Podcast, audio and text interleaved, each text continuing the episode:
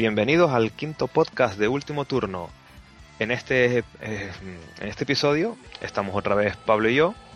Nos falta nuestro colaborador David. Ya vendrá, Así- ya. A ver si vuelve algún día. Y bueno, por lo pronto este va a ser un podcast un poco cortito con respecto a otros, pero vamos a hacer como dos audio reseñas de dos, de dos juegos, uno que he podido probar yo y uno que con que le regalamos a un amigo nuestro. Y después tendremos una entrevista que le hemos hecho a la gente de Squadra Games. ¿No es así, Pablo? Sí, señor. Muy simpáticos y bueno, nos contarán sus impresiones sobre su el tipo de negocio que llevan, que me parece interesante porque es otra manera de otra manera de vaya de, de entrar en este mundo de los juegos que se están arriesgando mucho y me parece bastante admirable. Y bueno, antes de eso vamos a empezar, como ha dicho Jaime, con un par de reseñas. Va a empezar él hablando del Trajan, Exactamente, el nuevo juego de Stefan Fell. mm, que lo pude. No lo pude jugar yo directamente, pero estuve todo el proceso de, de- desde que nuestro compañero y amigo Antonio lo explicó a, a la gente de Comic Mazmorra el, el pasado miércoles en la tienda. Y pude ver exactamente la partida entera y la verdad que me pareció bastante interesante, un juego bastante curioso, tiene sus cosillas, como todos los juegos, pero bastante curioso. Y el siguiente juego que va a explicar Pablo es el juego que le regalamos a un amigo nuestro, que no es ni más ni menos que el Gift Trap. Sí, señor, un juego party bastante divertido. Que bueno, era pensamos en un juego que pudiese jugar un grupo de gente que no está acostumbrado a ello y la verdad que causó sensación el jueguito. Ya hablaré luego de él. La verdad que los dos juegos que le regalamos, tanto este como el, Como el doble, sí. El doble podemos hablar otro día, que también es un juego recomendable. Bastante rapidito y hay que decir que en esta nueva, no sé si, si es una nueva edición o, o qué, pero con respecto a la edición que tenías tú con la que regalamos, han cambiado unos cuantos Sí, es verdad. Sí que es raro porque no creo que... Bueno, no sé de qué año es, pero de la, de la que compramos hoy a la que compré yo ahora unos cuantos meses, el juego estaba un poquito cambiado. Pero vaya, que... dos- son dos o tres símbolos diferentes que Sí, tampoco... eh, es una tontería, en realidad no, no cambia el modo de juego. Pero estuvo bastante curioso. Sí, Pues a ver, empezamos con el Trajan. sí señor. que es un juego que sí que del año de publicación del año pasado, de 2011, publicado por Ammonite Spiel de Stefan Fell, un juego de 2 a 4 jugadores donde según ponen en la caja es aproximadamente uno, una media hora por jugador. Aunque según la BBGG dicen que 90 minutos se puede jugar. Yo creo que más o menos, si se va bien, no, me parece un juego rapidito. Ellos tardaron prácticamente con explicación y todo jugando unas dos horas. Ajá. O sea que no me pareció muy complicado. Bueno, la primera vez se tarda un poquito más y ya está. Por eso mismo, se tardó un poco más y la verdad que estuvo bastante bien. El juego es un juego mm, de un poco... El sistema de juego es un poco curioso. Pues está, eh, tienes un tablero central donde tienes donde se ven exactamente todas las posibles acciones. Tienes acciones como de campo, de militar, donde puntuarás de una forma. Tienes acciones del barco, podrás meter mercancías o coger cartas. Acciones para conseguir una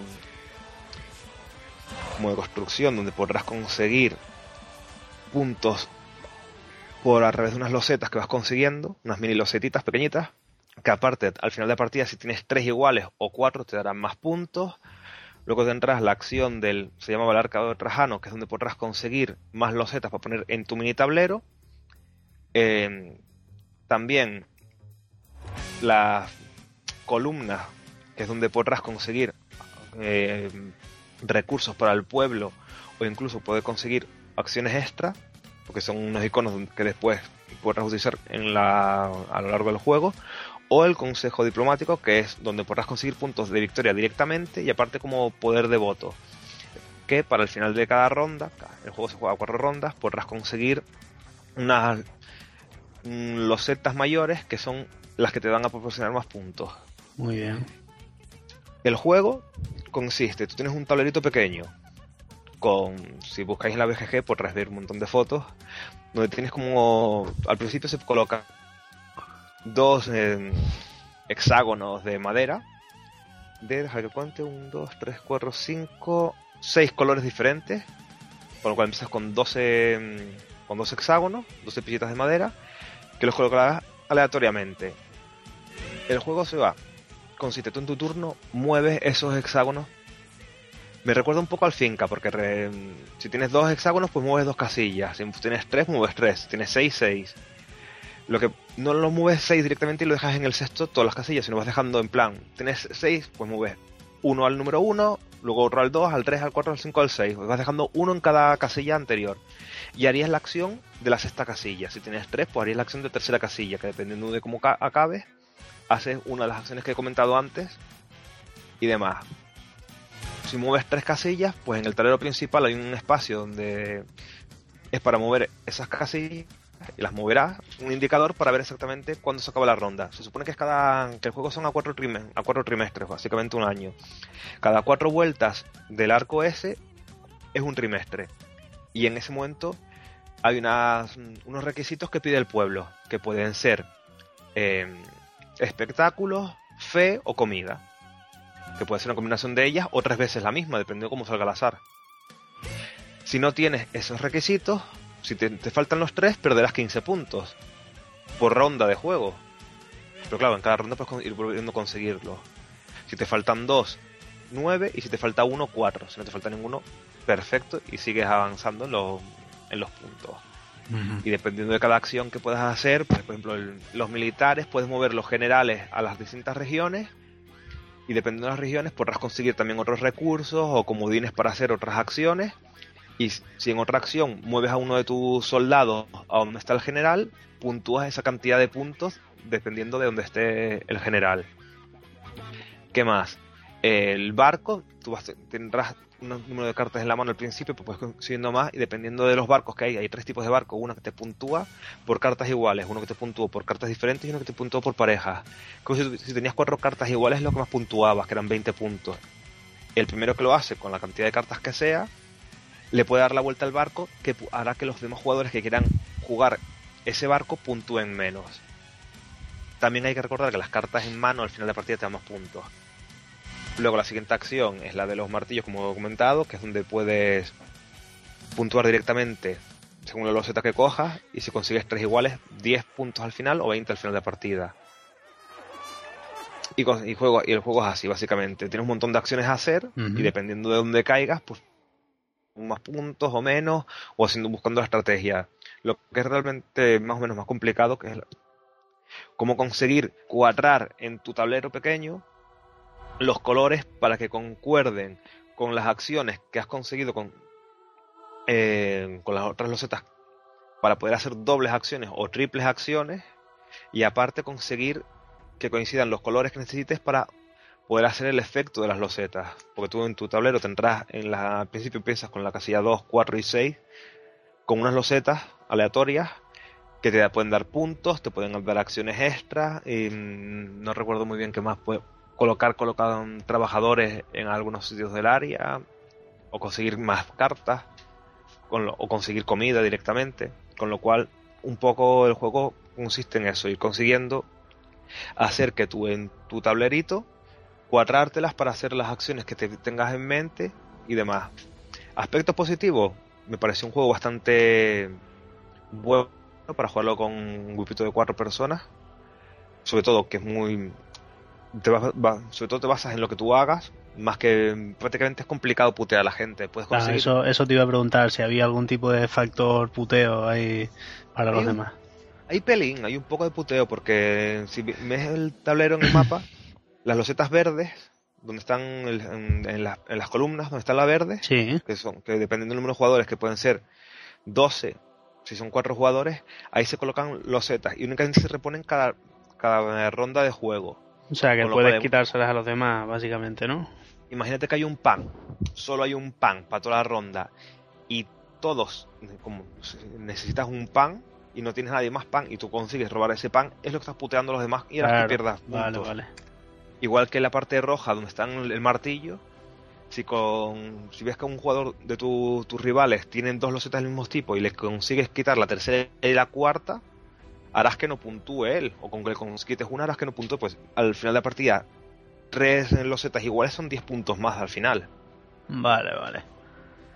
También un poco la parte puteo del consejo, eh, lo que era el Senado, que si consigues estar tú más adelante, puedes conseguir tú la, la mega loseta, por así decirlo, que es una loseta mayor, Sí. que es la que te va a dar más puntos, y, él, y al segundo, que tenga más puntos en el Senado, se llevará la segunda, pero bo- bo- puesto por el lado gris, que es la parte como que menos puntos da. Vale, vale. Ese es únicamente un poco aspecto de puteo que puedes tener, porque puedes quitar algunas losetas sobre todo, pero por ejemplo, o en, por ejemplo, en los barcos, hacer que coja menos puntos, o en los militares, mm, si eres tú el primer general que llega a tal sitio, tú te llevas la loseta que está ahí, pero si... Y no, ya está, pero luego para puntuar, para puntuar, si tú has movido a un soldado tuyo a esa región y otro quiere puntuar a esa misma región, puntuará un punto menos por cada soldado que hay allí. O sea, si alguien ha puntuado ahí, luego otro puntúa y va a puntuar el tercero, pues ya puntuará en vez de, por ejemplo, si fuesen seis puntos, en vez de seis puntos son cuatro. Vale, vale, vale. Es un poco el puteo que hay, por así decirlo. Pero bueno, o quitarles los setas del arco. Pero puteo así directo, directo, mm, no hay, no hay mucho. Pero el juego tiene una cantidad de opciones y op- maneras diferentes para ganar que me parece muy interesante. Sobre todo, tienes, si te centras a un tipo de voy a ganar de esta forma, es ir a por ello. Porque, por ejemplo, en la partida del otro día, eh, yo creo que a lo mejor Nacho hubiese ganado si, hubiese- si hubiese conseguido más losetas de las pequeñas. A lo mejor hubiese dado una remontada curiosa. Pero bueno, el juego está bien. Una cosa que, por ejemplo, un punto negativo sería que depende en el puesto en el que juegues, es más fácil que tengas más turnos. Porque no es un juego que está equitativamente equiparado en turnos. En el juego del ejemplo- principio, en el turno del principio, ¿te refieres? No, en toda la partida, por ejemplo, si tú eres el jugador número uno, Sí. eh, a no ser que la partida acabe en el jugador, en el último jugador de la ronda, Sí. lo más seguro es prácticamente el 75% de posibilidades de que el primer jugador tenga un turno extra. Ya entiendo. Si estás en el segundo lugar, tienes la mitad de las posibilidades de que te toque otro turno extra. Si eres el tercero, un 25%. Y si eres el último, tienes más complicado. Vale, vale. Porque, por ejemplo, en la partida del otro día, empezaba jugando Tony. Después seguía Nacho. Después seguía Robert. Y Deme era el último. Sí. Pues la partida acabó en Robert. Y Deme no tuvo un turno más, por ejemplo. Es Vale. una cosa que. que dices tú, coño. Le falta ese pequeño grado que todos, por ejemplo, si todos tengamos los mismos turnos o todos tengamos las mismas opciones. También es importante guardar la forma para poder conseguir el máximo número de acciones. En plan, hacer tus, com- tus combos para mm, hacer, por ejemplo, ejecutar eh, la loseta, aparte acabar en una casilla donde tú ya tengas un comodín para hacer otro, otra acción, y así podías hacer como dos o tres cosas a la vez en el turno y ganas como un poco más posibilidades. Pero otra cosa que me pareció, sobre todo muy, muy fuerte, es que si consigues el mayor número de losetas del Senado, es, y te centras en conseguir lo que te dan los puntos para eso, es bastante fácil, bueno, es bastante probable que puedas ganar con esa forma.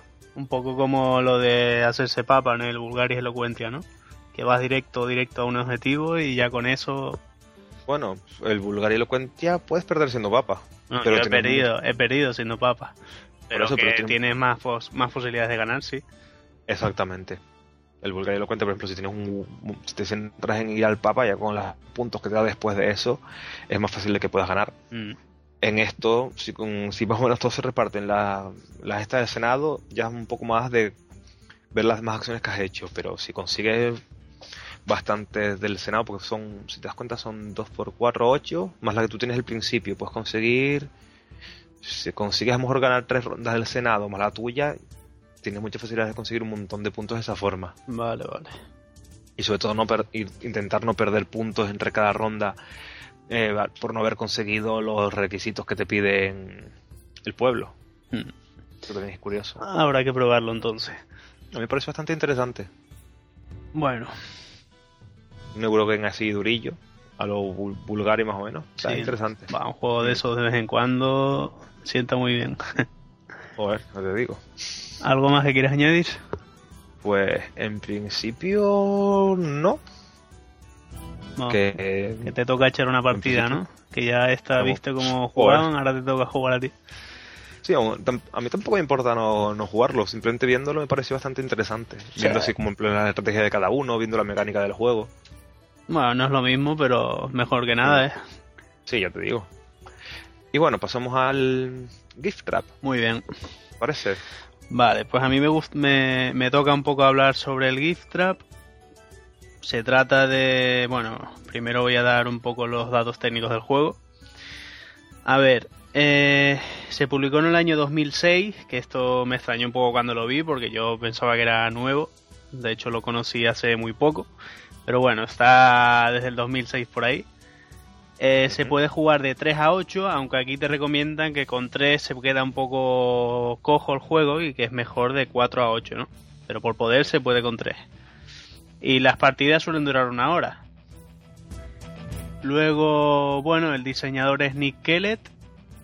El, digamos, el artista, ¿no? El, el, que hizo el, juego. El, editor, sí. El editor, vaya. No, el, autor del juego. El autor, eso, no salía. Scott E. Davis. Ese es, ese es el diseñador, el que hizo los gráficos. Bueno, artista, claro. Por eso lo llaman aquí artista.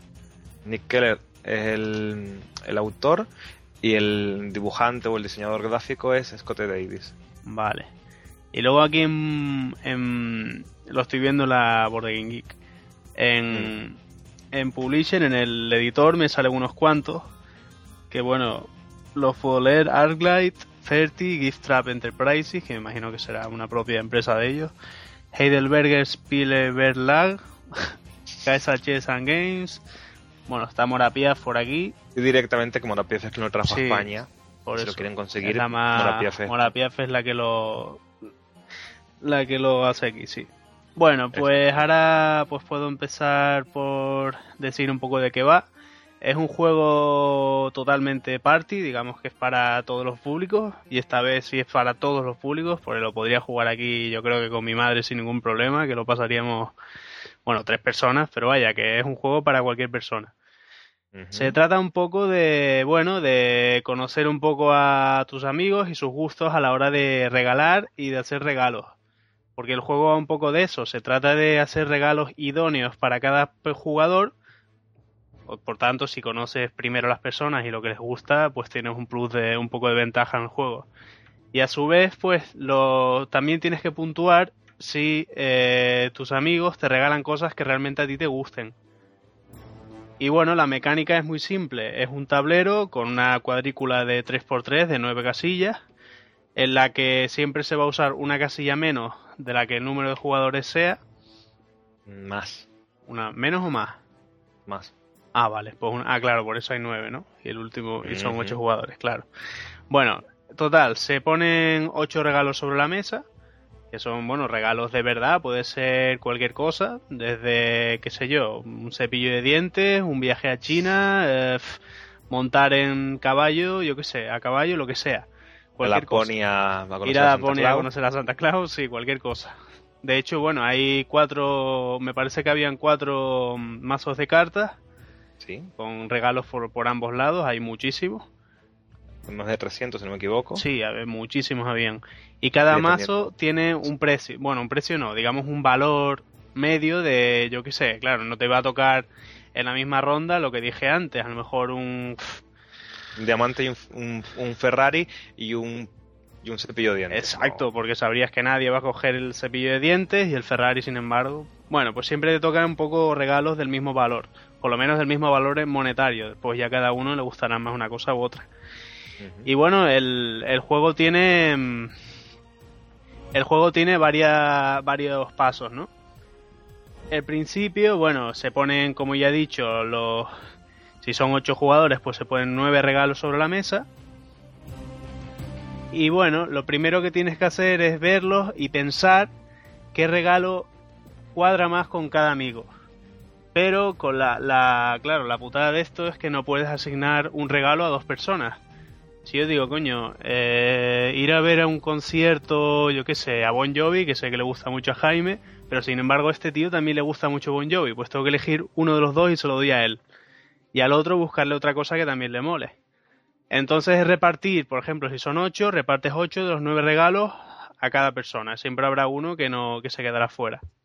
Parte siete repartes, bueno, uno a cada, bueno, claro, quitando a mí, obviamente. Siempre hay dos que se quedan fuera, sí. Después de eso, toca, em, al revés, tú ves los regalos que hay en la mesa y tienes cuatro fichas.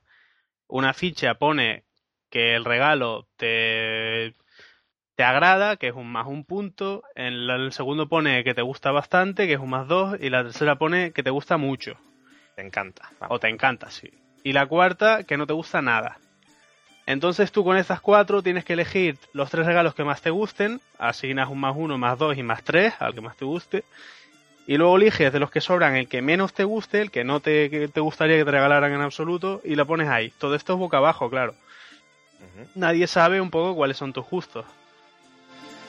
Eh, y bueno, ya solo queda, eh, una vez que ya hayas asignado cada regalo a tu compañero, tú deberías tener delante tuyo las fichas de todos tus compañeros con los regalos que te han dado a ti boca abajo y ya solo queda que cada jugador levante sus fichas y compare y bueno y vea qué le han regalado y, mire si le gusta o no.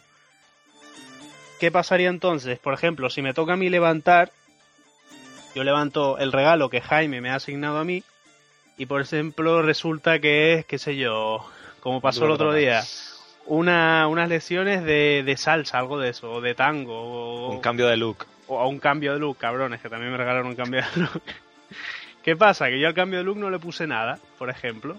Podría haberle puesto un menos 3, que era el, que era el, no way, el, ni hablar, pero no le puse nada. Al no ponerle nada, él marcaría un menos 1 en el teclado, o sea, una, una un puesto hacia atrás. Y yo también. El dar y el un menos uno en el recibir. Exacto. Eso, una cosa que no dije, el tablero se compone un poco de los típicos caminos de, avanzar, pero por dos lados. Un lado se llama el, regalo de, o sea, la parte de dar, dar, regalos, y el otro el lado de recibir regalos. A ah, me encanta recibir. Sí, me encanta recibir regalos. y son dos fichas diferentes. Una ficha, la de regalo de la ficha de dar, es un regalo cerrado, el típico, la típica caja con el lazo, que es una así de plástico, cerrado, y la de recibir es igual, pero el regalo está abierto.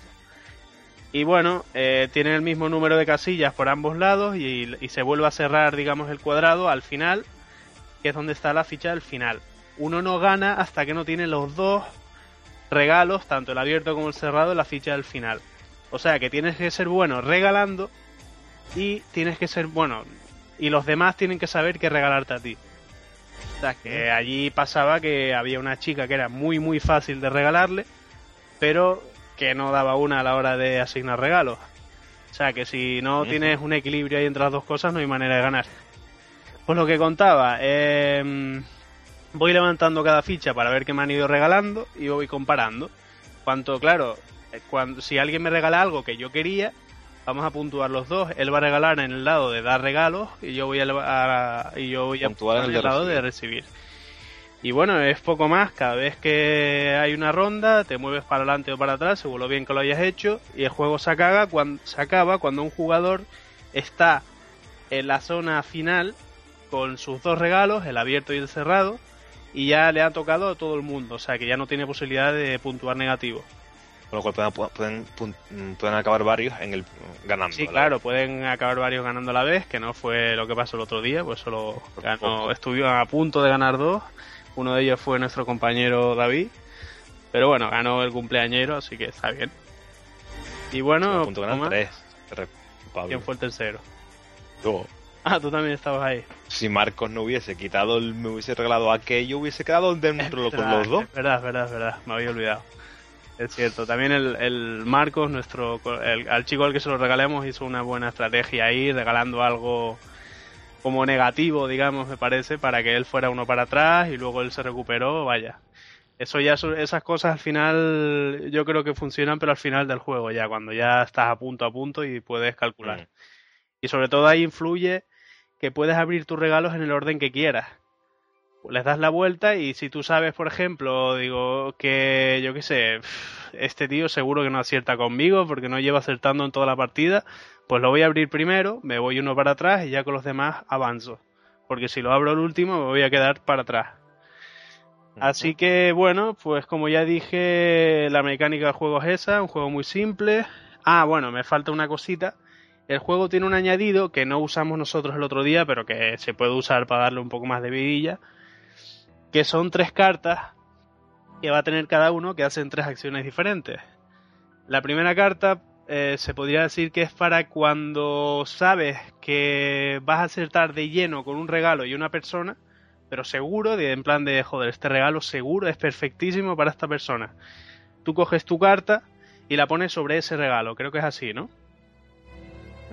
Vale, eso es cuando te toca asignar, pones la carta sobre el regalo. Eso significa que cuando que pase lo que pase, que se supone que vas a acertar porque estás muy seguro, vas a puntuar el doble.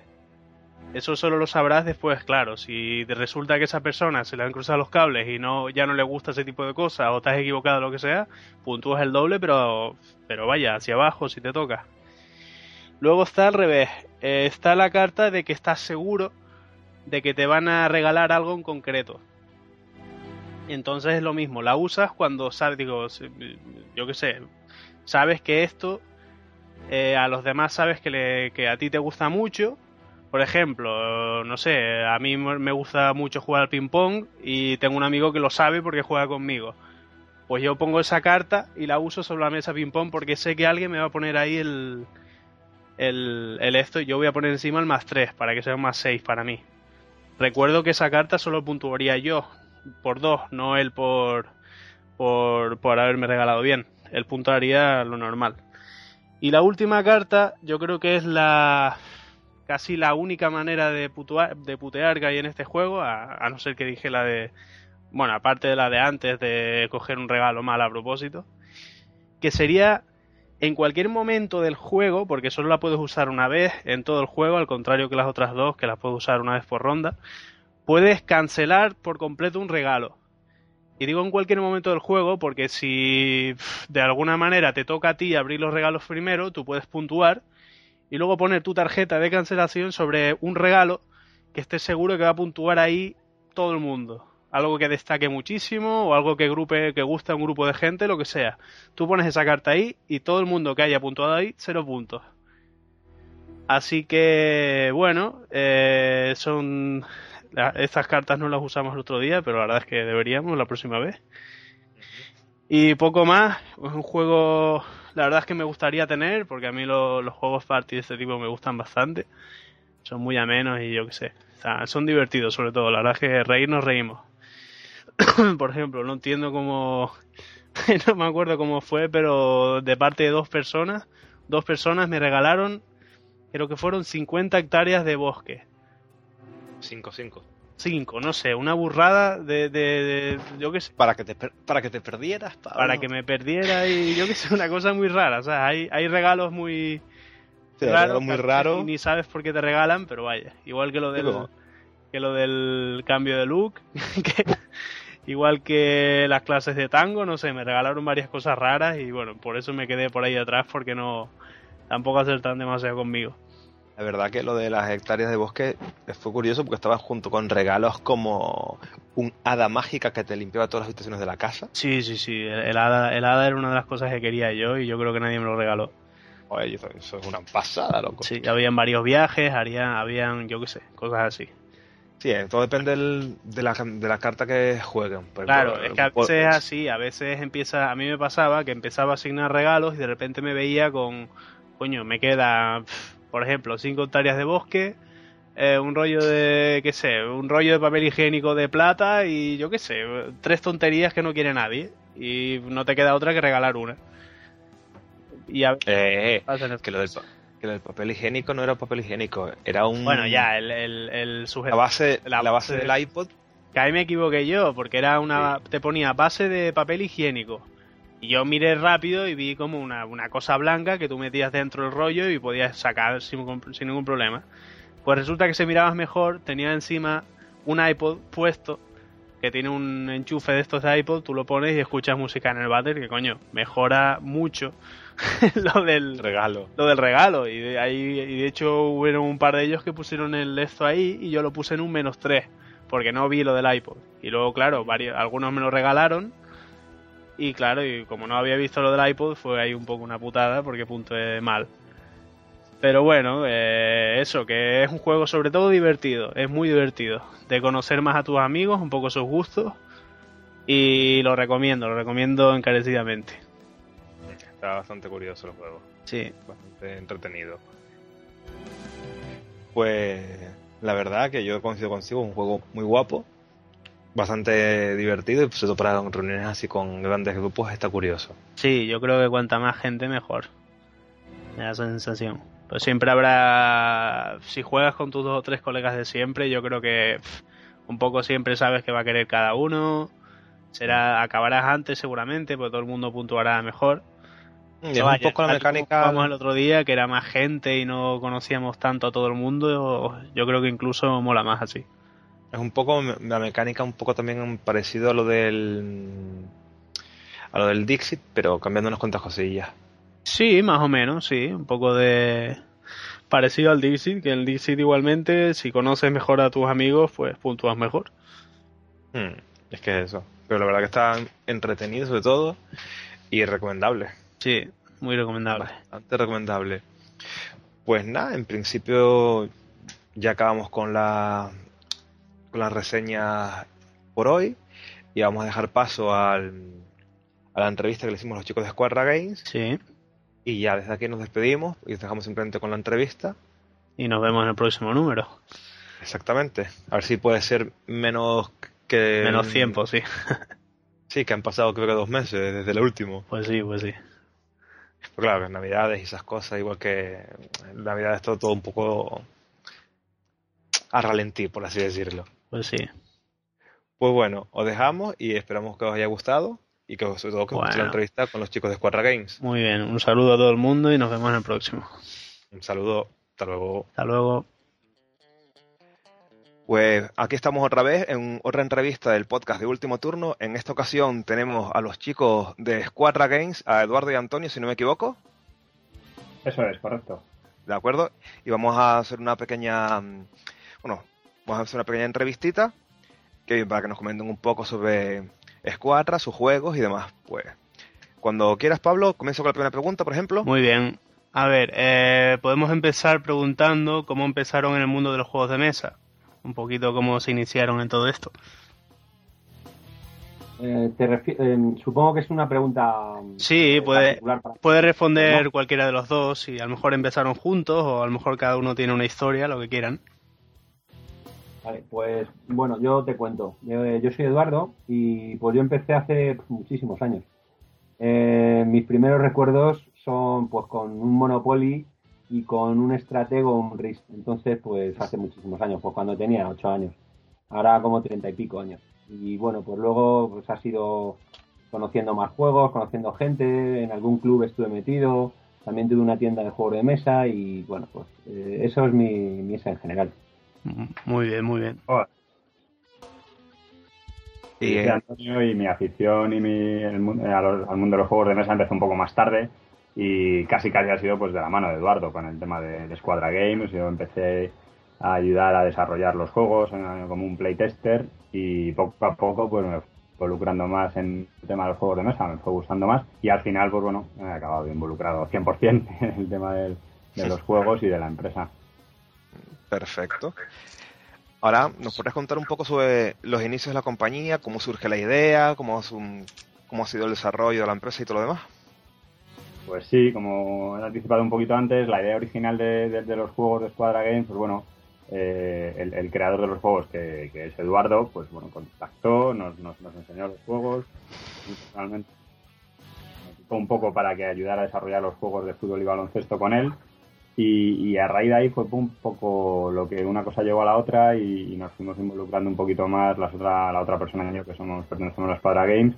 Y, ya te digo, desde empezar como, como, ayudante y playtester de los juegos, pues eh, aportando cada uno nuestros conocimientos un poco también de etapas anteriores en otro tipo de empresas, pues pues nació la idea de, de, que esta de que esta idea de los juegos de mesa de estrategia deportiva se convirtiera en una editorial y en una y en una empresa vamos un poquito fue, fue, fuimos paso a paso y una cosa llevando a la otra muy bien, perfecto. Y en una editorial como la vuestra, más o menos, si nos puedes contar un poco el día a día, si es un trabajo duro, si están más tranquilos, ¿cómo va más o menos? Bueno, pues eh, nosotros somos, por así decirlo, una editorial un poco al desuso, o sea, eh, diferente, en el sentido en que como nosotros somos, eh, estamos especializados en juegos de estrategia deportivos, podemos explorar la vía del patrocinio. Eso significa que, que la gran parte de nuestro tiempo, una vez ya los juegos están desarrollados y, se pueden sacar al mercado, pues eh, gran parte de nuestro tiempo lo gastamos o lo utilizamos eh, lógicamente en, contactar con diferentes sponsors para que hagan, para convencerles de que hagan ediciones de los juegos. Eh, más cosas que hacemos, pues lógicamente, pues semanalmente tenemos reuniones, pues para ver cómo, cómo, van avanzando diferentes partes de la empresa, lógicamente playtesting semanales, ideas que se nos ocurren, pues es un poco de todo. Eh, es un poco complicado porque te tienes que eh, tienes que ser eh, tienes que ser bastante una persona bastante metódica porque como no es jefe no tienes a nadie que, esté encima de ti claro claro me entiendes que te tienes que un poco el tiempo pues tienes que ocuparlo según según lo que tienes pero vamos tenemos ya te digo sobre todo tenemos playtesting semanales que son eh, inevitables y, reuniones semanales para ver cómo, eh, cómo va avanzando todo. De acuerdo. Y más o menos, eh, dentro, como has comentado, el tema del patrocinio, ¿es un poco complicado conseguir patrocinadores en este caso? Mm, bueno, pues digamos que la situación actual que hay en el mercado, en todo tipo de mercado, como todos sabemos, la, la tan, tan, tan odiada crisis que nos está envolviendo a todos, pues siempre es, difícil ir a una empresa y decirle que solicitarle, bueno, pues eso, apoyo y ayuda económica para, para desarrollar un proyecto. Pero dicho esto, también es verdad que el tema del deporte, pues bueno, eh, eh, los equipos de primera división, algunos están de, de, los deportes más importantes de este país, están sufriendo también este tema de, de los recortes presupuestarios pero también siempre hay gente, en estas épocas de crisis siempre hay gente buscando cosas nuevas, eh, intentando aportar valor con, con, esto, con, con, cosas novedosas como puede ser el tema de, sacar una edición personalizada de un juego de mesa, que hasta ahora pues no se ha utilizado mucho. Entonces, bueno, la, dificultad que tiene pues un poco se compensa con, estas ganas de la gente de, crear cosas nuevas y, para y ofrecer a sus clientes pues los otros productos que no están en el mercado. La verdad es que, si puedo incidir, decir una cosa, eh, la reacción de la gente, sobre todo cuando ve los juegos, pues eh, lo primero es de sorpresa, sobre todo porque, bueno, pues sabemos que en España el juego de mesa pues no está muy no es muy popular, o por lo menos, bueno, excepto lo que ya sabemos, Monopoly, sí, sí, sí. y lo de deporte yo creo que menos todavía, ¿no? Claro, efectivamente. En España hay gran desconocimiento del juego de mesa y si encima, imagínate que llegas a una reunión y desplegas un juego de mesa deportivo, pues mm, se queda la gente un poco, la verdad es que la gente se queda sorprendida. Le parece algo innovador, pero claro, a la vez es como una vuelta a lo antiguo, a lo que no se lleva. Entonces siempre rápidamente en las entrevistas te preguntan, oye, ¿y esto en un juego online? Y pues lo típico, las comparaciones con la PSP, esas cosas y eso. Bueno, pues antes de empezar a hablar de los juegos, bueno, de los más famosillos que han, que han editado, que puede ser el de fútbol, baloncesto, boxeo, a lo mejor... Dime. No lo han editado todavía, están buscando patrocinador. Bueno, pues eso, pero que, los, están, que los quieren editar. Que lo han sacado. Vale. Eh, a lo mejor podemos hablar algún juego anterior que esté en la web y que no sea alguno de estos tres. ¿A qué nos pueden contar? ¿Te han hecho eh, otro juego anterior a estos dos? no, los, los juegos que tenemos como Squadra Games eh, son los que los que se pueden ver en la web. Eh, tenemos el juego de fútbol, el juego de baloncesto y tenemos uno de boxeo que, todavía, como no tenemos el arte final, pues lógicamente no está colgado en la web.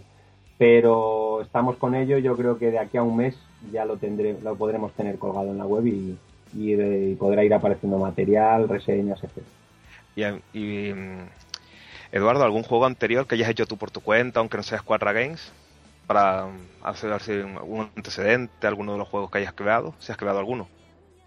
Pues no, la verdad. Eh, no, no he creado nada más. El juego de baloncesto era un juego, eh, era un boceto que tenía hecho desde hace casi 15, 18 años y lo dejé aparcado porque no fui capaz de resolver ciertas cosas, ciertas mecánicas. Después de mucho tiempo, pues lo volví a retomar y, bueno, pues el resultado después de mucho tiempo pues es ese, pero no, no he hecho ninguna cosa más.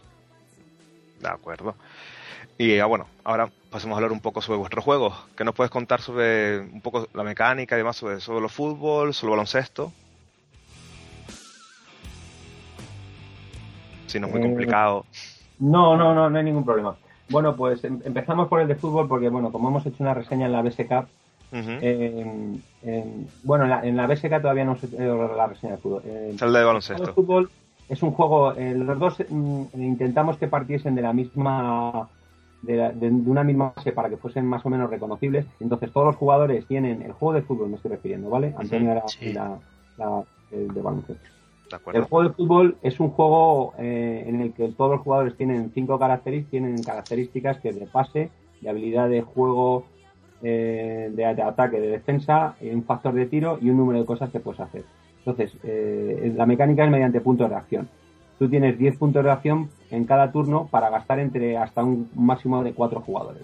Entonces, dependiendo de las acciones que hagas, pues, pues lógicamente pues, puedes hacer todas las acciones de, un juego de fútbol. Puedes, puedes pasar, pasar y tirar, eh, puedes eh, intentar regatear a un contrario, puedes intentar hacer un 2 contra 1, etcétera. Eh, básicamente es eso. Entonces, mm, para intentar robar un balón, lo que tienes, tienes que es acercarte al jugador que tiene la tiene el balón y gastas un, punto, un, punto un número de puntos de acciones e intentar quitárselo. Y en el caso de que sea el turno del, del atacante, si el atacante pasa eh, por una zona adyacente al, defensor, pues este puede reclamar un robo. Y respecto al juego de baloncesto, pues como comentaba antes Eduardo, lo que hemos intentado es que, bueno, que, partiendo de una mecánica de juego similar, aplicando luego cada, las características de cada deporte, pues consigamos que, que, los juegos se desarrollen bien. La característica principal que tiene el de baloncesto, que le diferencia del de fútbol, es que en baloncesto hemos dividido lo que es la cancha en zonas, en vez de en, casillas. En cada zona pueden estar hasta cuatro jugadores en la misma zona, exceptuando la zona de rebote que se pueden meter hasta seis al luchar por el rebote.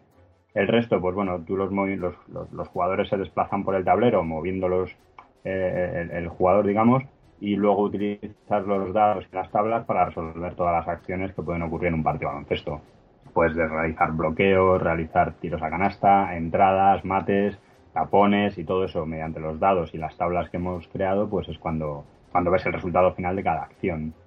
Eh, lo bueno que tienen también, pues, como en un equipo de baloncesto, pues tienes a tu disposición 10 jugadores y en cada momento utilizas los que más eh, a nivel estratégico pues tú decidas. Si, si quieres jugar un poco más con el con el juego exterior para meter triples, pues sacas a aleros. Si prefieres pues un poco más el juego interior, pues sacas a los jugadores más altos. Pero es la parte estratégica también del juego y, la defensa, pues vamos, mm, resumiendo más o menos, pues su característica, su característica es esa.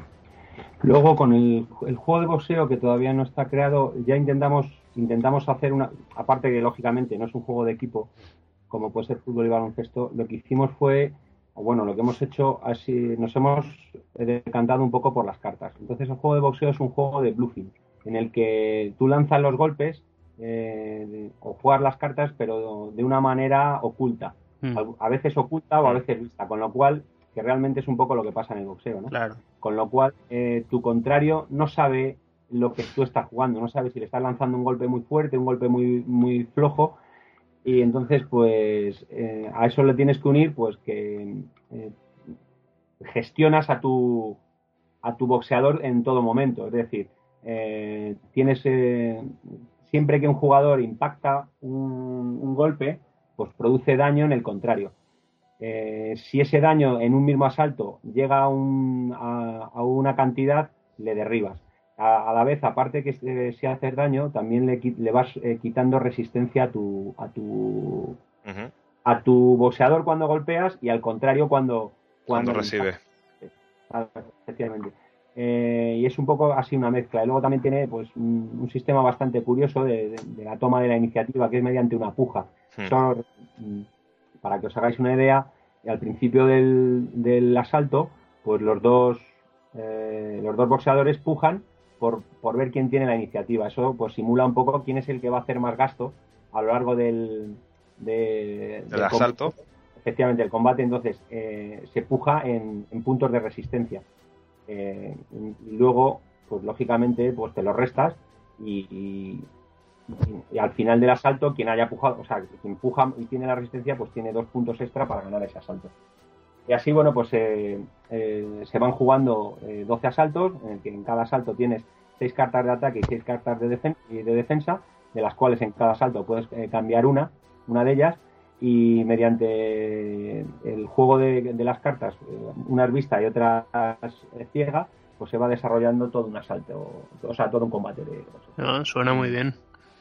Yo la verdad que tuve la oportunidad, cuando estuve en Madrid por el motivo de los Edge Days, que conocí a Eduardo y Antonio, tuve la oportunidad de ver en funcionamiento el juego de baloncesto y me pareció pero bastante real, comparado con un partido de baloncesto, bastante interesante también. Y el de boxeo también tuve la oportunidad y me pareció espectacular. Un juego bastante rápido, bastante bien gestionado. La única cosa, que es una cosilla que se me ocurrió después, que por ejemplo, vosotros habéis intentado supongo sacar con patrocinio de boxadores o alguna empresa de boxeo o algún equipamiento así deportivo. Pero estoy casi convencido que si en vez de ser boxadores fueran magos o guerreros con unos dibujos espectaculares, casi cualquier editorial os lo sacaría del juego. ¿No lo habéis pensado?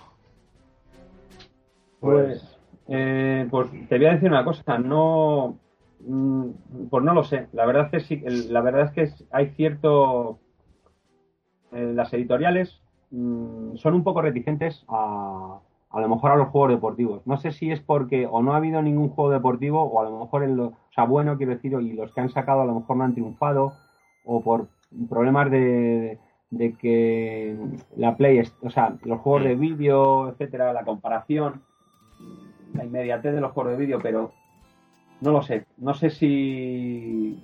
No te puedo decir. Es una pregunta que eso se lo tendrías que decir a otra a una editorial de las gordas como de he hecho alguna vez. No lo sé. No lo sé, la verdad. La verdad es que estoy convencido que casi como es verdad lo que te dice que hay una reticencia bastante grande a los juegos deportivos, pero que casi le cambias los boxadores y les pones como diferentes magos, hechiceros y en vez de darse golpes se hacen conjuros y cosas así, casi seguro que lo sacarían porque lo atrae más, no sé por qué. Pues hay juegos deportivos, por ejemplo, que están bastante interesantes por ahí. la verdad es que, bueno, que lo que tú comentas, estamos comentando aquí en la entrevista, que el, tema, la temática deportiva siempre ha tenido un poco más de dificultad a la hora de salir al mercado, en, el mercado de los juegos de mesa. Mm. Pero, pero bueno, también es, nuestra, es un poco... La apuesta que hacéis. Una apuesta que hacemos y, y, sabemos de las dificultades que tiene. Sin embargo, también tiene una ventaja que una vez digamos que tengamos unos los juegos editados, pues eh, al final la afición al deporte en este país siempre es, muy grande y esa baza siempre la tenemos. Pero, hmm. pero lógicamente lo que tú comentas, Jaime, sobre el tema de, de tratar alguno del juego convertido en un juego de fantasía, pues oye, eh, lo apuntamos. De hecho, y ya, ya, ya, porque se puede, se podría hacer, efectivamente. De hecho, el otro día en un playtesting, un, una persona me comentó que el juego de boxeo, a colación de lo que tú dices, eh, hay una película ahora que está, bueno, está en cartelera, que es la de ¿Ah, Acero Puro. me dijo, eh, él, directamente me lo dijo, me dice, joder, es que este, este juego sería perfectamente, se podría llevar a, lo que es eh, el, de la película, que en vez de que se estén pegando dos boxeadores, pues se pegan dos máquinas. exactamente. Hombre, sería, sí, sería salirse un pelín más del deporte, a lo mejor para atraer más la atención. Y de hecho otra persona también nos comentó que se podía hacer algo pues como la, la, eh, peli del Club de la Lucha, que en vez de ser una que en vez de ser una pues un ring, en un, o sea, un combate de boxeo, pues que son pues como eh, luchadores callejeros que se pegan pues eh, como, como, un combate de boxeo pues con, con manos abiertas en las que lógicamente pues no habría entre asaltos no hay descanso y lógicamente las, eh, las partidas acabarían más rápido, en media hora, habría un club de la lucha se, se podría realizar perfectamente. Pues sí, la verdad que sí pensándolo desde ese punto de vista, sobre todo recordando lo que como era la mecánica del de boxeo, para el tema de acero puro me parece espectacular. Que en vez a lo mejor de dar iniciativa o energía, es como energía del robot y cosas así, podría estar interesante. Eh, sí, eh, una vez más o menos tienes el concepto del juego de boxeo y lo has visto, pues rápidamente puedes extrapolar eh, pues, o, lo que tú decías, o bien a magos, o bien a robots, o bien a muchas cosas. Las hmm. variantes sí son, son fácilmente adaptables. Pues. Bueno, y un poco de la gente que ya lo haya probado, ¿Cómo ha, cómo ha sido recibido este juego? Eh, ¿Te refieres a alguno en concreto o en general un poco los tres? Bueno, si quieres el de este que estamos hablando de boxeo, no sé, aparte de Jaime, que ya lo probó, que yo tengo su opinión, no sé si tendrá más opiniones, si ha calado bien entre, entre los testers. Y también se puede, se puede saber un poco que, por ejemplo, a qué nos lo habéis presentado. ¿A quién te refieres? Eh, bueno, eh, por ejemplo, el de boxeo, digamos que es el que más eh, todavía está en una fase más inicial, por decirlo de alguna manera. Entonces, tampoco hemos hecho mucha labor comercial con ese juego. Hemos hecho más labor de, de, probarlo, de, hacer playtest con gente y, las sensaciones de la gente, pues un poco lo que estamos comentando, que enseguida, pues, eh, aficionados a los juegos de mesa y a los juegos de carta, pues un poco se evaden un poco de la temática de deportiva y de boxeo y ven en el juego, pues, pues eso, que es un juego muy rápido, muy dinámico, en el que el bluff y el engaño pues eh, es muy importante y entonces pues sobre todo es muy dinámico que es que no, no tienes mucho tiempo para pensar y reaccionar las jugadas del, y del, otro jugador del atacante o del defensor. Y siempre nos han comentado pues que, pasan un buen rato que enseguida se hacen con la mecánica del juego y, y independientemente de que les guste el deporte o el boxeo que, sabemos que también es un, poco complicado, pero enseguida, por la mecánica que hemos conseguido el juego, la gente se eh, enseguida se engancha y, las sensaciones siempre han sido bastante buenas. Y con respecto, por ejemplo, al de fútbol, el de baloncesto. Pues con, respecto al de fútbol y baloncesto, sobre todo eh, yo creo que el juego de baloncesto ha tenido ha calado más un poco por por la por la temática. Eh, hay más juegos editados de fútbol y, de baloncesto no. Entonces, eh, es lógico que la gente se interese o, parezca que se, haya, interesado más por el juego de baloncesto. Básicamente, pues porque tampoco, excepto el juego que editaron hace poco, eh, me parece se llama, se llama NBA, pues hay poco de, baloncesto en el mercado. Eh, la verdad es que la, la reacción ha sido buena. Yo por lo menos con los playtesters que he tenido contacto, les ha gustado. Eh, si hay que ponerle algún pero al juego, es eh, que hasta que te familiarizas un poquito con él, pues los tanteos pueden ser un poco bajos. Pero una vez te familiarizas con él, pues mm, la verdad todo las acciones se hacen bastante dinámicas y rápidas y aunque es mediante tirada de dados y te tienes que ir a una tabla de eventos que solo tiene 3-4 resultados como máximo, pues rápidamente son memorizables y hay veces que la hoja de referencia ni, la, tienes que mirar. Entonces, eh, ese es el único pero que se le puede poner. Y con respecto al de fútbol, em, el de fútbol al final tuvimos que cambiar la mecánica que había, y, eh, porque al principio se parecía mucho a la de baloncesto, que se moviera un jugador cada uno, pero claro, al ser un juego de equipo de 11 jugadores, eh, no daba la sensación de que se moviesen los jugadores simultáneamente y al final lo tuvimos que cambiar por un sistema de puntos de acción que, nos, ha, nos ha terminado con más. Y bueno, por las sensaciones, eh, la gente la, la gente el juego de fútbol le cuesta un poquito más porque te tienes que mover más como un equipo, entonces las acciones es un poquito menos dinámico, pero la sensación de, sobre todo la gente, todo lo que lo que realza bastante es la sensación de, de, de simulación y de simultaneidad. Muy bien, entendido. Y bueno, aparte de estos tres de lo que hemos hablado, ¿tienen en mente algún otro deporte que pueda también, sí, o bueno, juego en general? Pero vaya, que hay muchos deportes que se pueden, pueden tener mucho, vaya, mucho juego de estrategia, mucho el bluffing este que tiene el boxeo, cintas, todo esto. Yo lo veo muy, muy interesante para un juego de mesa, la verdad. Me gustaría probar alguno antes de, de de dar mi opinión, pero vaya, que lo veo interesante. Pues eso, eh, nada, era preguntar pues si tienen en, mente algún otro deporte. Sí, nosotros ahora mismo, como los, los tres que tenemos ahora están prácticamente, bueno, sí, están, están terminados y el desarrollo del juego ya está finalizado, estamos trabajando en otros dos juegos que los estamos creando también nosotros, son creación nuestra, y uno es Recrea una carrera de 1500 metros lisos y el otro es un juego de balonmano. Eh, digamos que el juego de balonmano, lógicamente, pues eh, ha sacado mucho, ha mamado mucho de la mecánica de juego, del de fútbol y el de baloncesto. Luego, como comentábamos antes, pues bueno, una vez que tienes ese desarrollo de la mecánica de juego de deportes de equipo, que te desplazas en el, en la cancha, en el tablero de juego, con, en zonas y cada jugador tiene unas características, pues trabajándolo y adaptándolo a cada deporte, pues, pues estamos trabajando en el de balonmano y desarrollándolo. El de carrera de, de, mil, de 1500 metros lisos, pues bueno, pues una, lógicamente corren es hasta a ocho jugadores, ocho, ocho corredores, sí, y requiere pues eso, lo que es una carrera, entonces también hay pues hay estrategias, hay cansancio, ahí los jugadores van avanzando por la pista y, en esos dos estamos trabajando ahora mismo.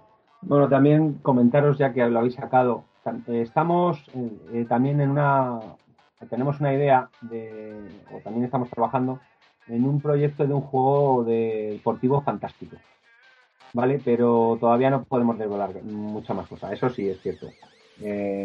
Queremos explorar de alguna manera pues lo que vosotros nos decíais, intentar hacer lo que nosotros nos gusta más, que son deportes, pero para intentar atraer al, más público, claro. público, a lo mejor que el juego de mesa es más masivo.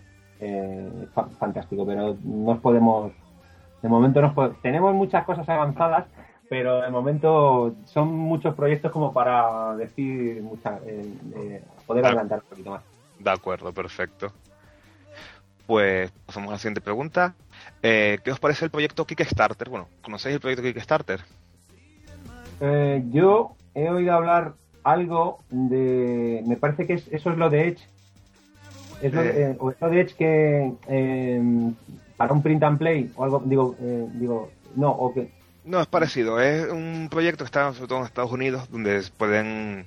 Cualquier persona que tenga un proyecto, ya sea desde juego de ordenador, juego de mesa, películas, grabaciones de música, como que puede poner ahí su proyecto da sus indicaciones y como que espera como recibir fondos por adelantado, por así decirlo. Por ejemplo, en los juegos de mesa yo he visto desde juegos que ponen aportaciones de un, de un dólar, pues aparecerá en los créditos de la caja aportaciones de 10 dólares, pues no sé qué, aportaciones de 20, pues tendrás una copia del juego, aportaciones de no sé cuánto, y vas como poniendo distintos tipos de aportaciones para poder como conseguir una cantidad de fondos en un determinado tiempo. Si se consigue en ese determinado tiempo, completar como mínimo el 100%, pues se cargan los fondos a la gente que ha dicho que participa, se te dan a ti y tú te encargas de luego hacer el juego, en este caso, y, y hacer lo que has prometido. Si no se consigue rellenar los fondos, pues no se cobra nada a nadie y, y podrás empezar otro proyecto que hay que estar más adelante. En principio es, y en España es verdad que hay, ah, en, el tema de la música sí que ha funcionado mucho esto y varios artistas así independientes han sacado han sacado discos con este sistema de crowdfunding que vas, vas, eso, mm. vas recaudando fondos entre voluntarios y gente que hace donativos.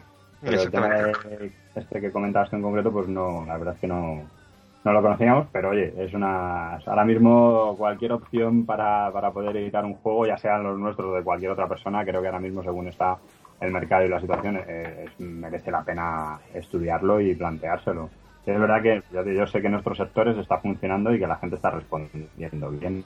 Sobre todo porque, bueno, puedes aportar desde lo que tú dices, un dólar, un euro, hasta el dinero que le quieras gastar. Y la gente, pues la satisfacción de que luego, pues con, un, con una pequeña aportación que ha hecho una persona, pues un juego, un disco o un libro pueda salir al, al mercado, pues bueno, eso da satisfacciones a la gente, eso también es verdad. Así que yo la verdad lo desconocía y lo que lo he, desconocía el proyecto, lo que eh, lo he confundido es con una, una iniciativa que ha tenido Edge de que lo leí el otro día de que puedes eh, para ciertos juegos, si alguien quiere ciertas expansiones, se paga y se consigue si se llega a un número. Por eso es por lo que lo he, confundido. Vale. Sí, es parecido. Eso lo sacaron con el Space Hulk, me parece.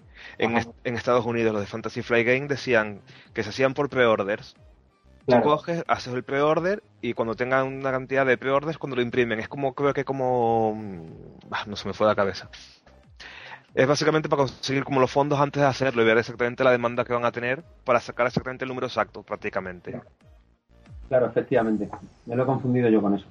Mm, bueno, está, dando, buenas ideas hoy, ¿eh, Jaime.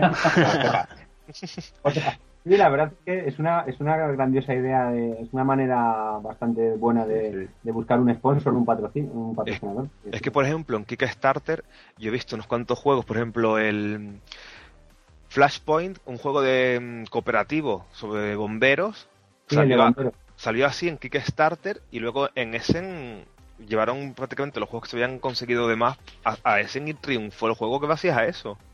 gracias a que habían sacado su Kickstarter primero, igual que otros cuantos muchos. Tú entras en el proyecto y ves un montón de juegos y hay un montón que han salido adelante gracias a esta iniciativa. Y la pregunta, eh, ya que lo comentas, eh, así me sacaré dudas. Eh, ¿Realmente la gente que es el donativo o el de ese que hace que lo hace a fondo perdido? Eh, no, no, a ver, bueno, el que hace un donativo, supongo que lo hace porque le, ha gustado la idea del juego y lo hace a fondo perdido. Pero, por ejemplo, tú dices, yo hago una aportación de tantos euros. Tú, cada uno, cada persona, cada editor calcula y dice, pues mira, para hacer el juego me cuesta tanto, pues yo propongo tanto, o un pequeño beneficio para ti tal, lo que tú, como tú veas. Y por ejemplo, muchos los he visto en plan, por 25 euros, por ejemplo, que bueno, 25 dólares que aportes, pues te, tienes derecho a una copia del juego y por ejemplo las cartas de promoción cuando tú ah. sacas el juego, tú ya tienes como, hecho. De la aportación que haces, pues el, digamos que el creador del juego o de lo que sea, pues le da un beneficio, entre comillas, al que ha aportado dinero. Pues otra, otra, otra manera más de patrocinio. Es otra forma también, al fin y al cabo, es prácticamente, así consigues saber exactamente, tú dices, para sacar 500 juegos necesito tanto dinero, después de haber hablado con los fabricantes y demás, pues tú vas directamente y dices, necesito tanto está lo vamos a investigar. bueno, y si la cosa al final no, no fuera bien, ¿llegarían a sacarlo directamente ustedes o no? Pues eh, mira, te comento, nosotros tenemos de, por así decirlo, eh, un colchón que es este año, eh, por lo menos hasta septiembre. Si no hemos conseguido nada en el modelo de negocio que nosotros tenemos, que es buscar una sponsorización, pues habrá que pensar en otros en otras vías. Claro. Eh, una podría ser la que nos habéis dado vosotros, otra sería, no lo sé, de, momento no queremos pensar ¿eh? en eso. Negativamente, eh, me parece bien. Pero sí, sí, en caso de, en caso de que no funcione nuestra vía, que queremos que va a funcionar, mm, pues habrá que buscar otras alternativas. De acuerdo. Y ahora una preguntita, una serie de preguntas que tienen que ver un poco más no, sobre vuestra editorial, pero un poco relacionado con los juegos de mesa. ¿Habéis jugado otros juegos deportivos? ¿Alguna recomendación? Yo puedo decir que, por ejemplo, yo he jugado al Blood Bowl Team Manager, que desde el fútbol americano, que ha sacado ahora Fantasy Flight Games y Edge, y está espectacular. Es en plan de, bueno, no sé si conocéis el Blood Bowl, de juego... Sí, sí lo conocemos, sí lo conocemos. Bueno, desde mi experiencia personal yo he probado algunos algunos juegos como es el Crash Tackle, que es un, uno de, un, juego de sudafricano de, rugby.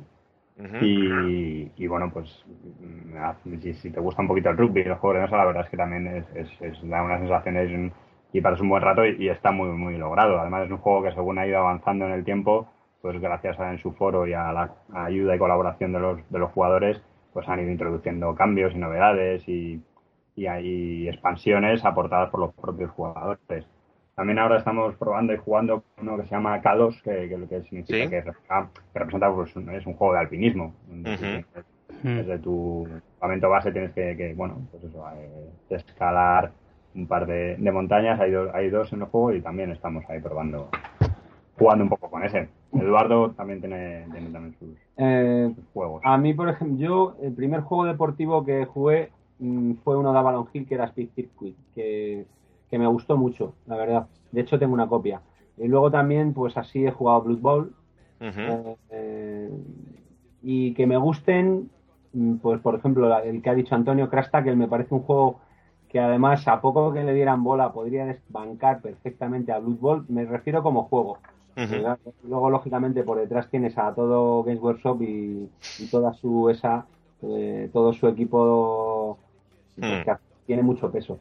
Y así algún juego más a destacar, pues me gusta el Tourmaster, el juego de carrera de caballos, que para mí me parece un juego imprescindible, y pues Fórmula D, eh, y así que me...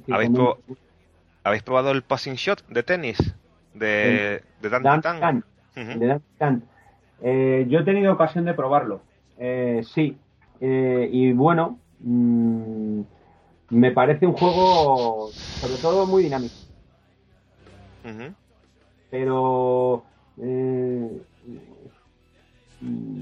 a mí me gusta, personalmente me gusta. Además es un juego con el que rápidamente pasas es, es fácil enganchar a cualquiera y es muy sencillito.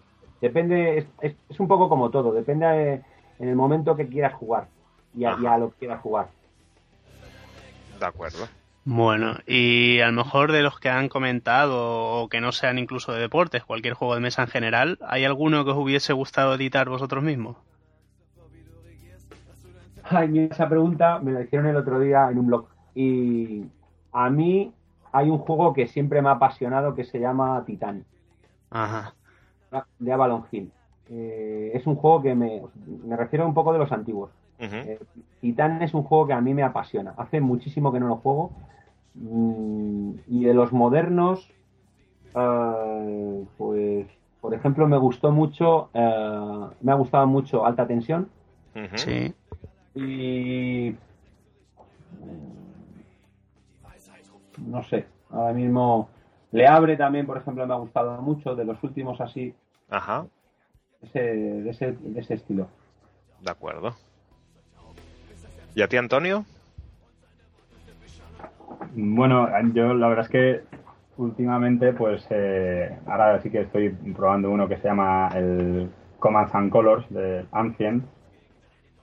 Que ese es un juego pues bastante bastante interesante y que, que la verdad es que bueno que, que al no ser si fuera de la temática deportiva sí me hubiera gustado participar en, en ese tipo de en ese proyecto Mm, y, y bueno pues batallas fácil y dinámico también es un tema de es de batallas los juegos los juegos de batallas es fácil y dinámico entonces pues participas bueno pues fuera de la temática deportiva digamos que es un poco lo que sí me hubiera gustado participar de alguna manera De acuerdo. Una pregunta ahora rapidita, más o menos. ¿Algún autor de juegos que, que admiréis por su trabajo? Eh, a mí me gusta. A mí me gusta Wallace. Wallace. Sí, a mí Wallace sí me gusta. Y bueno, también reconozco que. eh, lo tengo que decir. A mí Jervis Johnson, que eh, fue el creador de Blood, o por lo menos fue un co-creador de Blood Bowl, Ujú. eh, también me gusta. De acuerdo. Bueno, y podemos hablar un poco de la faceta online, de lo que saben que cada vez están más de moda las páginas para jugar online a varios juegos de mesa y quería saber si bueno, si lo, si juegan alguna vez, a qué juegan y si han pensado alguna vez en sacar la versión online de, de los juegos de los que hemos hablado antes. Que ya, hemos- que ya hemos visto que os lo han preguntado. Sí, el tema, la verdad es que, bueno, mm, siempre que vamos a una demostración de los juegos, eh, la pregunta a los 10-15 minutos de empezar la demostración a la reunión es si tenemos la versión online del juego. Nosotros, Sí, o sea, es la pregunta automática. sí, sí, es, es- es la cruz. Entonces, bueno, nosotros somos muy asertivos y, y siempre comentamos que, que nuestro proyecto inicial es siempre basado en, en los juegos de mesa, pues por nuestra afición y por lo que nos gustan y por y porque es nuestra apuesta, pero dicho esto también tampoco vamos a negar la evidencia de que los juegos online ahora mismo, pues bueno, con todas las facilidades que hay desde los smartphones, desde iPad, desde todo, tipo de, de soporte, pues, pues es un mercado en el que no podemos tampoco negarnos a participar. Entonces, pues bueno, tenemos, tenemos nuestros partners tecnológicos que desarrollarían esa versión online de los juegos que nosotros creamos. Nosotros ese, es una opción que siempre tenemos ahí y que la haremos, tarde o temprano lo haremos, pero siempre el primer paso que queremos dar es con los juegos de mesa. Una vez que los juegos de mesa estén en el mercado, o si un cliente en concreto o una persona, nos, una empresa nos encarga realmente una versión online, pues lógicamente se la, se la haríamos. Pero, pero bueno, mm, dicho esto, insistimos mucho que nuestra, nuestra primera opción siempre es sacar el juego de mesa físico y luego la versión online siempre va a estar ahí.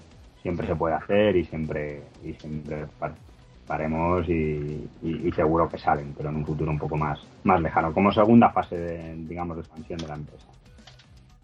De acuerdo, perfecto. Y eh, a ver, pues casi para acabar ya, ¿algún, ¿algún juego que recomendaríais para iniciar a gente no jugona? Ah, yo un juego que suelo regalar mucho es eh, eh, La Colmena, Hype. Ajá, Eh, por el- ¿Te puedo decir eh, más de uno? sí, claro. Sin problema. que, que, eh, por lo general suelo, suelo regalar mucho porque es un juego, bueno, todos le conocen, es un juego abstracto y que puede enganchar a, puede, puede enganchar a cualquiera. Hmm. No, a lo mejor puede ser demasiado abstracto y para gente que a lo mejor no lo pillaría. Pero sí, es un juego que puede enganchar a mucha gente. ¿Y por tu parte, Antonio? Bueno, a mí hay uno que, que sí conozco, uno que se llama Bote Salvavidas, Eh, que bueno, creo que por, por, por, por la mecánica y la, y la, bueno, la gente se puede iniciar, para, un- para alguien que quiere iniciarse en los juegos de mesa puede ser un buen punto de partida, sin mayor tipo de complicación y solo por pasar un, un buen rato y familiarizarse con lo que es un juego de mesa. De acuerdo. Bueno, y una de las últimas preguntas.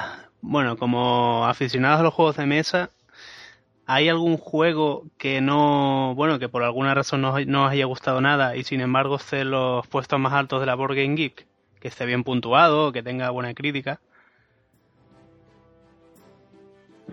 Pues, joder, esa pregunta, macho, eh, en concreto, eh, yo la veo es, a ver, mm, desde un punto, profe- o sea, desde un- eh, si me preguntas a mí como creador de un juego.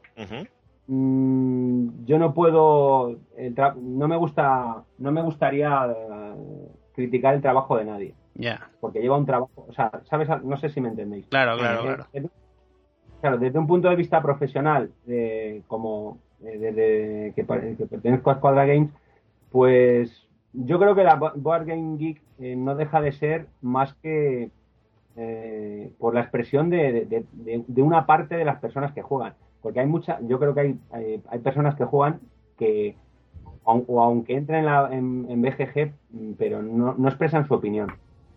Y entonces, eh, en concreto, a mí me parece bastante chocante que haya juegos, grandísimos juegos, más antiguos que no estén en, en- en- en la lista mucho más arriba. Mm. Eso lo que creo que denota es que, pues que la, la gran mayoría de la gente que se interesa o que plasma sus ideas en, en BGG es más, mm, digamos, más, más joven. Y por tanto, lógicamente, la, la gran mayoría de los, de los juegos eh, pues son juegos más, más jóvenes. Eh, pero no deja de ser una lista. Una lista de, de la opinión de la gente. Mm, Y es, y es pero, pero nada más. y es altamente manipulable. No sé si os enterasteis que lo que pasó creo que hace, uno- hace un tiempo, que un americano, que ahora no recuerdo el nombre, cogió, de estos los que suelen hacer bastantes reseñas en, Estados Unidos, si no me equivoco, ¿Sí? cogió y se empeñó en poner un juego en el número uno, en plan de coña, de la, de la BGG. Para, A base de votos. eh, para ver exactamente lo fácilmente manipulable que era la lista. Y puso en el número uno de los Ameritrash y de los juegos de mesa, no, de los Ameritrash no, de los Wargames y de los juegos de mesa en general, a mi pequeño pony. Toma ya, tío. Y lo llegó a No, poner, no. lo llegó a poner en el número uno. A base de, pues claro, a base de, sí.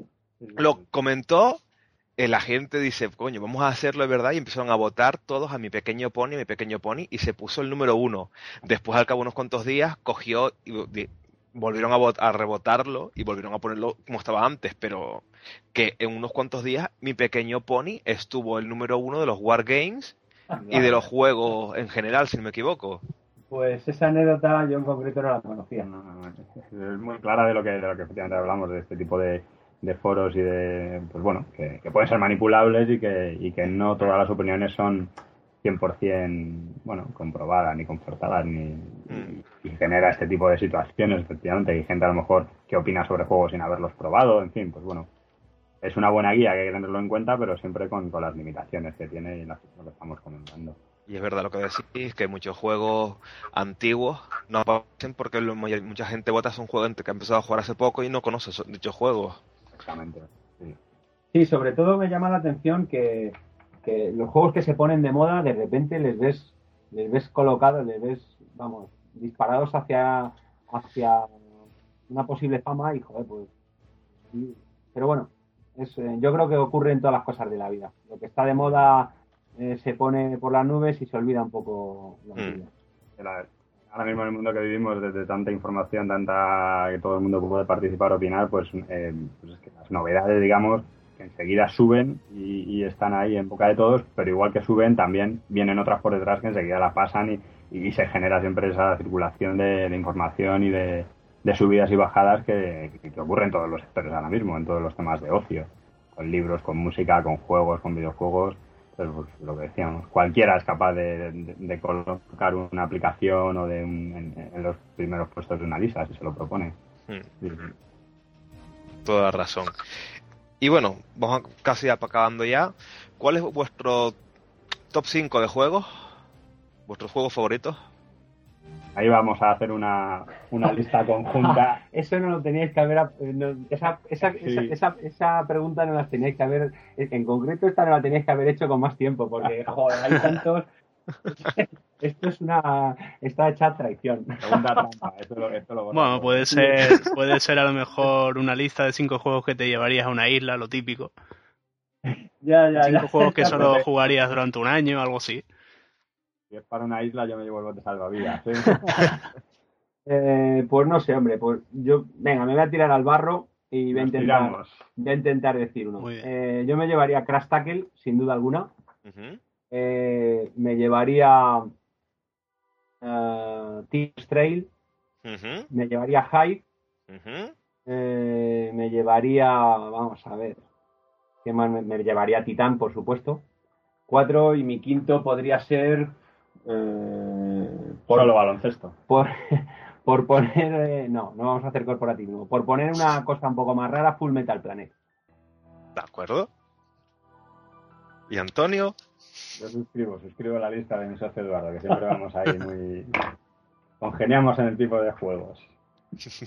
De acuerdo. Y bueno, ya para acabar, ¿algún consejo a nuevos diseñadores, editores?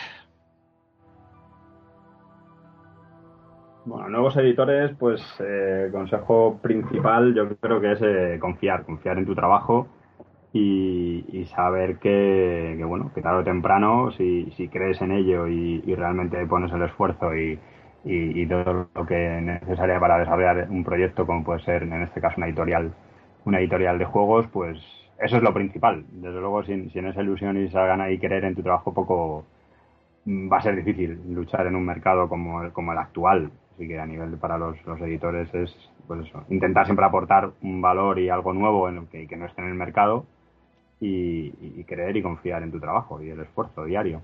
Eso es para es lo que nosotros intentamos aplicar en Escuadra Games. ¿Y para los autores, editores de juegos, autores, diseñadores de juegos, me refiero? Sí, pues yo con respecto a lo de, a lo de diseño, pues también. Eh, la, base, la base está en, en tener fe. En tener fe y también, es decir, en tener fe y, creer a, ciegas y al 100%, y al 100, al 100 en tu proyecto. Porque hasta que llegas a, un. desde que partes de tu idea hasta que si algún día la llegas a terminar plasmando, desarrollando, vas a pasar por, un, por una infinidad de, de, estados mentales, de, muchas cosas. Son muchas sensaciones lo que eh, y mucho tiempo el que tarda en, llevarse a cabo un proyecto.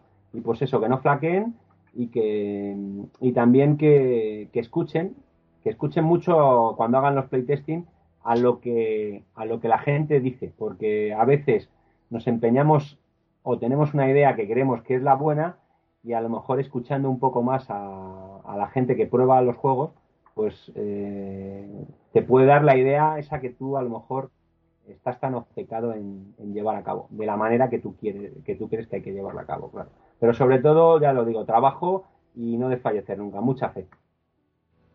De acuerdo. Pues Eduardo, Antonio, muchísimas gracias por haber participado en nuestro podcast y esperamos... Sí, sí, adelante, adelante. Eh, pues nada, sobre eh, agradecer, al contrario, somos nosotros los que tenemos que agradecer a vosotros a último turno eh, la posibilidad que nos habéis dado pues eh, con, con, esta entrevista de, pues, eh, pues de, darnos a conocer al público del juego de mesa. efectivamente, os agradecemos mucho el apoyo y, sobre todo en estos momentos siempre cuando, bueno, en los inicios, los inicios siempre, siempre ese tipo de apoyos se agradecen y son los que luego al final cuando, cuando ya llegas un poco a la cima y tienes el éxito, pues siempre te acuerdas de, de la gente que, que ha estado ahí desde el principio cuando todavía está dando los primeros pasos y, y empezando en, en, en este, en este mundo de los juegos. Y sobre todo gracias a la idea que habéis tenido de esta sponsorización nueva que no Sí, la conocíamos. Pues a ver si, si, si lo conseguís sacar los juegos adelante. Yo os digo que a mí me gustó muchísimo el baloncesto. Eso que ya os comenté por el pequeño problema que el que tuve con el deporte, que no, no es que sea mi preferido el deporte, pero que el juego estaba muy bien. Y el de boxeo es una pasada. El de boxeo para mí fue uno de los que, como comenté antes, de los que más puede sacar partido. Y si se cambiase la, mm, un poco la temática, yo creo que ya estaría tirado. Porque la cosa es esa, la apuesta por los juegos deportivos que no está todavía muy allá. A ver si poco a poco conseguís que la gente vaya jugando más juegos deportivos. Y sobre todo conseguís sacar los juegos adelante. Pues eso es lo que esperamos y muchas gracias. Bueno, y Muchas gracias a vosotros. suerte por mi parte, a ver si la cosa sale bien, ¿eh? Y nada, lo dicho, si, bueno, bueno, no nos hemos comentado. Si necesitáis playtester aquí en Canarias, aquí estamos. sí, desde luego. De acuerdo. Pues mucho- en cuenta. Pues muchísimas gracias chicos y lo dicho, suerte y que ojalá podamos ver dentro de poco vuestros juegos editados y poder disfrutarlos. Eso es, eso es lo que esperamos todos. Pues muchísimas gracias, lo dicho, y ya mm, os comentaré cuando esté el podcast acabado. De acuerdo, y así lo difundimos también nosotros a través de nuestra web y de las redes sociales. Perfecto. Pues muchísimas gracias y para cualquier cosa sabes dónde estamos. De Bueno. acuerdo. Perfecto. Bueno. Un abrazo. Bueno, Hasta pronto. gracias.